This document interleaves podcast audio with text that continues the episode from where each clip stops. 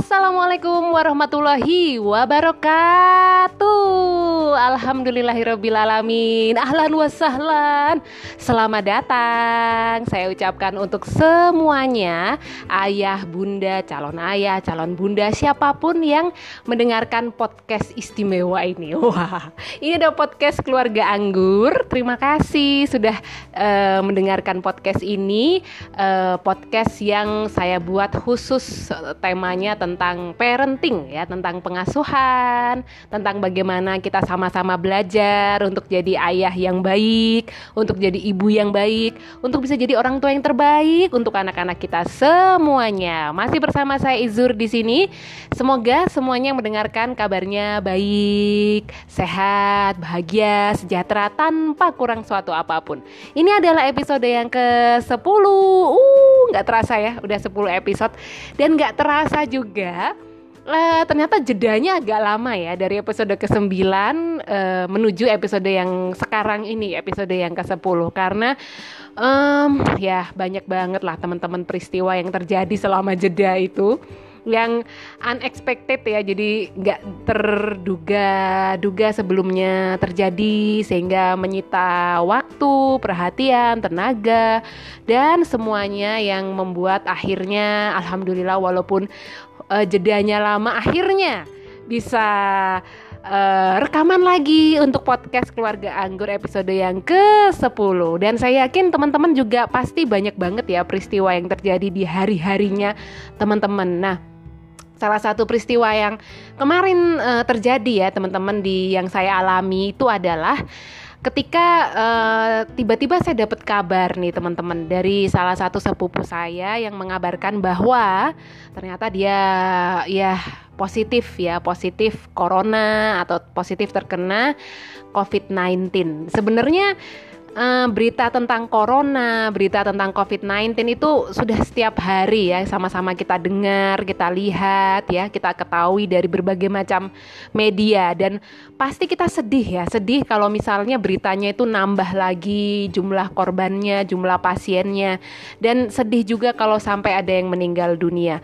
Tapi kesedihan itu teman-teman lebih kerasa banget itu waktu uh, tahu bahwa ternyata yang kena corona, yang kena COVID-19 itu adalah orang dekat ya, keluarga dekat dengan kita itu kesedihannya lebih terasa banget. Jadi ketika kemarin saya dapat kabar kalau salah satu sepupu saya positif, itu langsung spontan sepupu-sepupu yang lain, keluarga-keluarga yang lain langsung memberikan uh, respon, tanggapan, ya kemudian mendoakan semoga dimudahkan dalam menghadapi ujian ini, semoga diberikan kekuatan, kesembuhan ya dan kesehatan walafiat seperti sedia kala dan dukungan-dukungan yang lain da, yang bisa membantu uh, salah satu anggota keluarga besar ya yang sedang terkena musibah. Nah, jadi kemarin tuh kerasa banget kekeluargaannya ya. Nah ini ngomong-ngomong soal kekeluargaan, ini juga yang kemudian menginspirasi saya teman-teman untuk bikin episode yang ke-10 ini adalah tentang kekeluargaan yang terasa. Jadi sebenarnya gini, kita tahu ya banyak keluarga, yang kita sendiri juga punya keluarga ya. Uh, banyak keluarga terdiri dari orang tua, uh, anak-anak. Ini kita ngomongin keluarga inti ya. Tapi ngerasa nggak sih teman-teman? Meskipun banyak keluarga nggak semua di keluarga itu tuh terasa kekeluargaannya. Jadi nggak semua di keluarga itu terasa kehangatan kedekatan layaknya keluarga gitu. Nah ini yang menjadikan kita sebenarnya ini harus jadi bahan koreksi juga ya.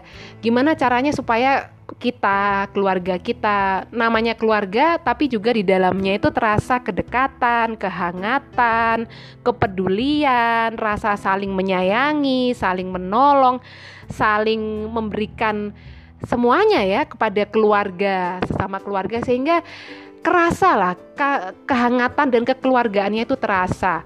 Ini sebenarnya penting teman-teman karena kalau dalam keluarga itu nggak kerasa kekeluargaannya bisa jadi anggota keluarga itu akan mencari kedekatan, kehangatan justru di luar keluarga yang belum tentu juga baik ya.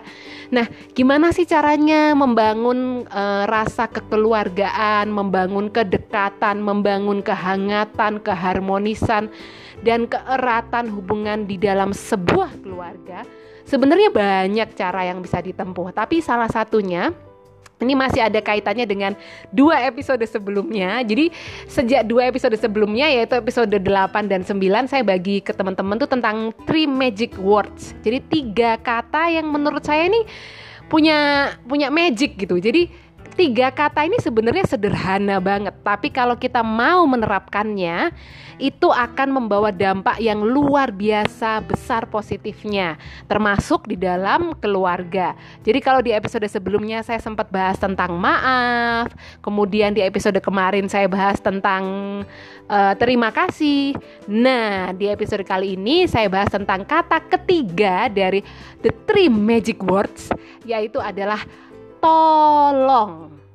Gampang banget kan ya sebenarnya ngucapin tolong ya, singkat. Mungkin nggak perlu narik nafas, kita juga bisa bilang tolong. Nah, kan sebenarnya gampang banget, tapi pada kenyataannya nggak nggak semua orang tuh bisa mengucapkan kata tolong ketika dia membutuhkan bantuan dari orang lain pun di dalam sebuah keluarga. Sebenarnya kita juga nggak bisa ya dalam sebuah keluarga. Kita juga nggak bisa selamanya ngapa-ngapain tuh sendiri. Ada waktu di mana kita pasti butuh bantuan lah dari anggota keluarga yang lain. Nah, di sinilah biasanya yang terjadi adalah uh, tidak adanya kata tolong gitu karena ya ya kan udah keluarga kan deket gitu jadi ngapain tinggal suruh aja gitu tapi itu sebenarnya akan membawa feel yang beda banget teman-teman. Coba deh teman-teman kalau misalnya ada orang tua ya sebenarnya butuh bantuan nih ke anaknya. Coba teman-teman rasakan bedanya, feelnya ya. Kalau ada orang tua misalnya seorang ibu ngomong ke anaknya, eh ambilin remote TV dong. Itu tuh tuh di sebelah TV, ambilin ambilin sini sini cepetan. Oke lah itu kan minta bantuan ya dan dan mungkin ya ya nggak apa-apa juga karena kan ya dari orang yang lebih tua kepada yang lebih muda. Tapi coba dirasain bedanya kalau misalnya ngucapinnya gini. Nak, nak, nak, tolongin ibu dong. Tolong ambilkan remote itu ya yang di sebelah TV ya. Nah, apalagi kalau setelah itu pakai kata terima kasih. Tapi tolongnya ini loh, itu memberikan kesan yang saya yakin tuh beda sekali dirasakan oleh orang yang dimintain tolong tuh beda banget deh kesannya. Dan ini justru membawa dampak yang positif walaupun sebenarnya antar keluarga ya, antar orang-orang yang kita udah kenal dari kita lahir, ya udah sehari-hari sama kita juga gitu tapi menggunakan kata tolong itu membawa efek yang berbeda banget teman-teman. Dan ini bisa membuat uh, ini ya adanya penghargaan antara satu anggota dengan satu anggota keluarga yang lain. Jadi merasa kalau di dalam di dalam keluarga itu kalau bahasa Jawanya itu merasa diuongke gitu. Jadi merasa merasa dihargai keberadaannya sehingga kalau minta bantuan menggunakan kata tolong jadi itu merasa kita tuh memang dibutuhkan, merasa dihargai sehingga uh, menggunakan kata tolong itu tadi. Dan beda banget kalau misalnya tanpa kata tolong walaupun lingkupnya sekali lagi adalah keluarga. Jadi coba deh teman-teman, yuk mulai mulai sekarang ya kalau misalnya nih dalam keluarga belum terbiasa pakai kata tolong, coba kita biasain kalau kita membutuhkan bantuan termasuk membutuhkan bantuan kepada yang lebih muda dari kita. Uh, apakah itu orang tua membutuhkan bantuan anaknya ataupun yang lain kita biasakan menggunakan kata tolong. Pasti rasanya akan beda banget. Dan yang dimintain tolong tuh akan merasa lebih dihargain ya karena ada kata tolong itu tadi ketimbang nggak ada kata tolong.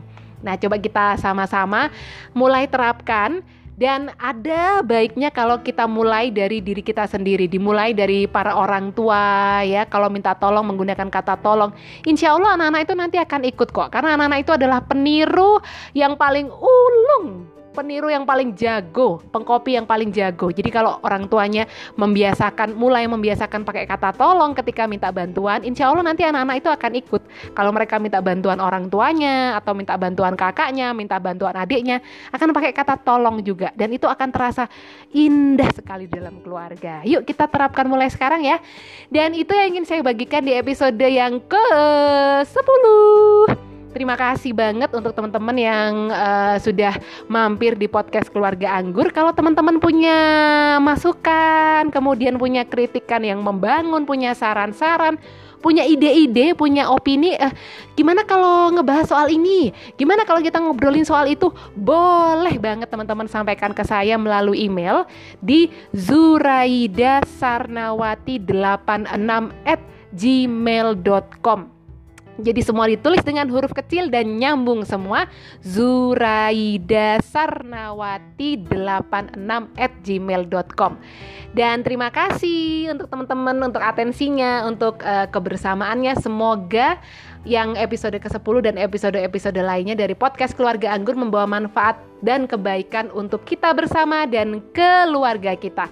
Kalau misalnya ada kebaikan, boleh juga podcast ini di-share sehingga kebaikan itu bisa menular ke sebanyak mungkin orang dan membawa kebaikan untuk lebih banyak lagi ya. Terima kasih dan mohon maaf kalau misalnya ada salah-salah kata. Insya Allah kita ketemu lagi di episode selanjutnya. Wassalamualaikum warahmatullahi wabarakatuh dan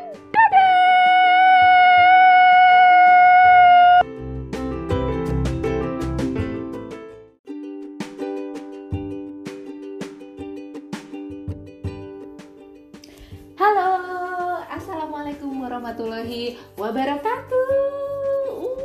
Uh, Alhamdulillahirobbilalamin. Alhamdulillah, selamat datang di podcast Keluarga Anggur sebuah podcast yang hadir untuk semuanya, untuk ayah, untuk bunda, untuk calon ayah, calon bunda, walaupun masih calon, ini juga untuk Anda semua ya, yang ingin sama-sama belajar bagaimana menjadi orang tua yang terbaik untuk anak-anak kita. Tentu gak ada orang tua yang sempurna, tapi yang ada adalah orang tua yang semangat terus untuk memperbaiki diri sehingga bisa memberikan yang terbaik untuk anak-anak kita. Hah, gimana ini kabarnya ayah bunda, calon ayah bunda semua di mana pun berada. Lama banget ya saya nggak bikin podcast lagi. Uh, mungkin karena lama itu, um, ini saya bikin ini adalah season 2 ya. Season 2 ini adalah uh, podcast yang temanya adalah cerita-cerita di tengah corona. Nah, ini adalah podcast-podcast yang saya uh, podcast yang saya bikin yang temanya itu tidak jauh dari kondisi kita sekarang ini. Jadi kan ya apa mau dikata ya uh, ayah bunda dan calon ayah bunda semuanya bahwa kita masih berada di dalam uh, suasana atau situasi yang memang masih pandemi ya dan corona itu masih ada bahkan belakangan ini uh, di mana-mana jumlah penderitanya semakin meningkat. Semoga, semoga, semoga Allah segera angkat pandemi ini dan semoga ini memberikan hikmah yang uh, besar untuk kita semua ya. Semoga ada yang bisa kita pelajari dan pandemi ini membuat kita menjadi manusia yang lebih baik lagi, menjadi uh, manusia yang lebih berguna untuk sekitar, untuk orang lain juga dan juga untuk keluarga kita. Dan semoga semua sehat-sehat ya kabarnya ya. Walaupun misalnya ada yang diuji sakit ataupun ujian-ujian yang lain, semoga apa pun bentuk ujiannya itu bisa menggugurkan dosa-dosa kita dan semoga cepat sembuh dan sehat bahagia semuanya seperti sedia kala. Amin ya rabbal alamin. Ini kan cerita-cerita dalam uh, suasana corona ya. Jadi ini saya mau cerita nih di episode pertama season 2. Sudah ada season 2. Jadi uh, ini juga yang saya alami pada saat pandemi ini. Jadi kemarin itu kan uh, ceritanya anak saya itu sedang ujian akhir semester ya. Namanya sih kalau nggak salah bukan ujian akhir semester tapi semacam itulah. Nah mungkin juga uh, putra putri ayah bunda juga sekarang lagi musim-musim ujian juga ya. Nah, jadi ceritanya kemarin pada saat ujian itu saya kan pingin nih, uh, ya saya berusaha lah membantu anak saya semaksimal mungkin. Tentu bukan membantu pada saat dia mengerjakan ujian ya, karena dia ujiannya di rumah, tapi membantu supaya dia siap menjalani ujian akhir semesternya ini dan bisa mengerjakannya dengan lancar dan semoga dapat hasil yang terbaik. nah saya ingin banget ya bantu jadi saya melakukan beberapa hal lah jadi saya uh, ini uh, saya carikan soal-soal yang tahun lalu saya fotokopi kemudian saya minta dia ngerjain karena biasanya soalnya nggak jauh beda. Kemudian saya bantu banyak lah jadi dia sambil belajar saya sambil suapin dia makan biar dia semangat terus. Dan pasti juga dengan doa dan semuanya lah. Saya merasa saya uh, sudah berusaha semaksimal mungkin untuk mempersiapkan dia. Nah, sampai di suatu momen, jadi kan memang uh, sekolahnya anak saya ini kan agak santai ya selama corona ini. Dia baru kelas 1 SD dan sekolahnya terus terang sih agak santai. Nah, kemarin ketika minggu lalu ujian itu, hampir tiap hari memang saya minta dia ngerjain soal-soal latihan Nah, mungkin perubahan dari yang tadinya agak santai menjadi kok rasanya disuruh ngerjain soal terus sih gitu. Itu mungkin yang membuat dia agak agak kaget ya, agak kaget mungkin juga dia nggak suka sama perubahan ini gitu. Sampai akhirnya suatu malam ya, kan jadi e, sistemnya itu saya malam dia ngerjain soal-soal untuk besok paginya ya.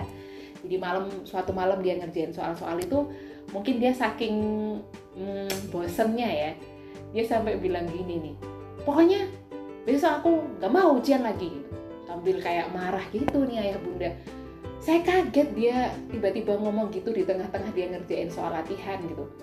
Saya kaget dan saya merasa terus terang waktu itu agak kecewa ya kecewa dengan ekspresinya dia waktu itu. Karena kok gitu sih? Lo bunda ini lo sudah berusaha untuk ngebantu kamu gitu. Jadi uh, saya dalam kondisi saya sendiri juga lagi capek waktu itu dan kemudian dia mengekspresikan capeknya dia juga dengan kata-kata kayak gitu akhirnya saya terus terang waktu itu merasa agak tersinggung karena saya sebagai ibunya saya merasa saya udah melakukan banyak hal lah saya udah bela-belain cari soal fotokopi kemudian dia selama selama dia ngerjain soal itu pun saya suapin makan, saya bikinin minuman yang dingin biar dia semangat, biar dia fresh, biar dia seger gitu ngerjain soal-soalnya. Tapi kok dia malah ekspresinya dia kok malah kayak gitu gitu. Akhirnya kemarin ya berantem lah kan. Jadi agak ini ya apa namanya e, bertengkar lah. Jadi dia ekspresi kayak gitu saya balas juga bunda ini sudah berusaha bla bla bla bla gitu jadi saya emosi dia juga emosi nah jadi muncullah konflik tapi nggak sampai perang tapi ngomong-ngomong soal konflik kalau anda gimana ya bunda? Anda pernah nggak berkonflik sama anak-anak gitu ya? Berapapun usianya mereka lah. Kalau saya pikir sih konflik itu suatu keniscayaan ya, sesuatu yang pasti terjadi ketika ada orang yang hidup berdampingan, pokoknya lebih dari satu orang lah. Kemudian ada perbedaan, ya uh, wajar kalau kemudian terjadi konflik. Nah kalau ayah bunda gimana? Pernah ngalamin nggak berantem sama anak, berkonflik sama mereka, bertengkar sama mereka, atau lagi marah-marahan sama anak-anak? Uh, saya ya itu tadi itu yang saya ceritain itu salah satu contohnya ya. Dulu ketika saya masih anak-anak pun saya juga sering berantem sama orang tua saya terkhusus ibu saya karena ibu saya juga banyak di rumah sementara ayah saya banyak di luar untuk mencari nafkah. Jadi sering banget berkonflik sama uh, orang tua. Nah, waktu saya masih kecil dulu deh saya berkonflik sama orang tua biasanya polanya itu saya sama ibu saya itu uh, diem-dieman. Jadi kami nggak bertegur sapa, kami nggak ngobrol apalagi ya. Pokoknya kami nggak ngomong-ngomongan lah. Uh, selama kurun waktu yang kadang tuh bisa sampai lama nggak ngomong-ngomongan tapi habis itu tiba-tiba ya kembali jadi seperti biasa lagi gitu. Nah itu ketika dulu saya masih anak-anak.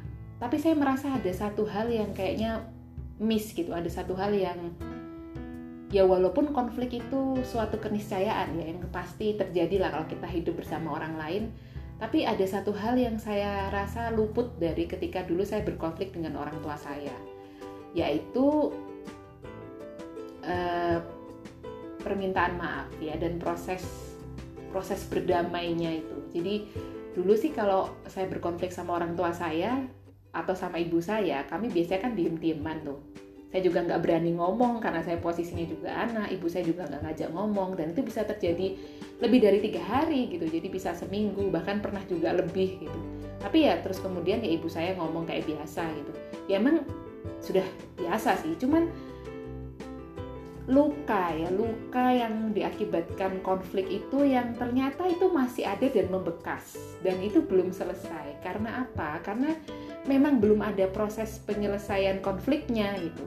Memang sudah kembali berinteraksi seperti biasa sih setelah gencatan senjata selama beberapa waktu ya. Nggak ngomong-ngomongan selama beberapa waktu. Tapi setelah, walaupun setelah itu kembali ngomong-ngomongan tapi nggak ada penyelesaian atas konflik yang kemarin gitu, atas konflik yang baru saja terjadi dan itu ternyata ternyata itu menggoreskan luka gitu.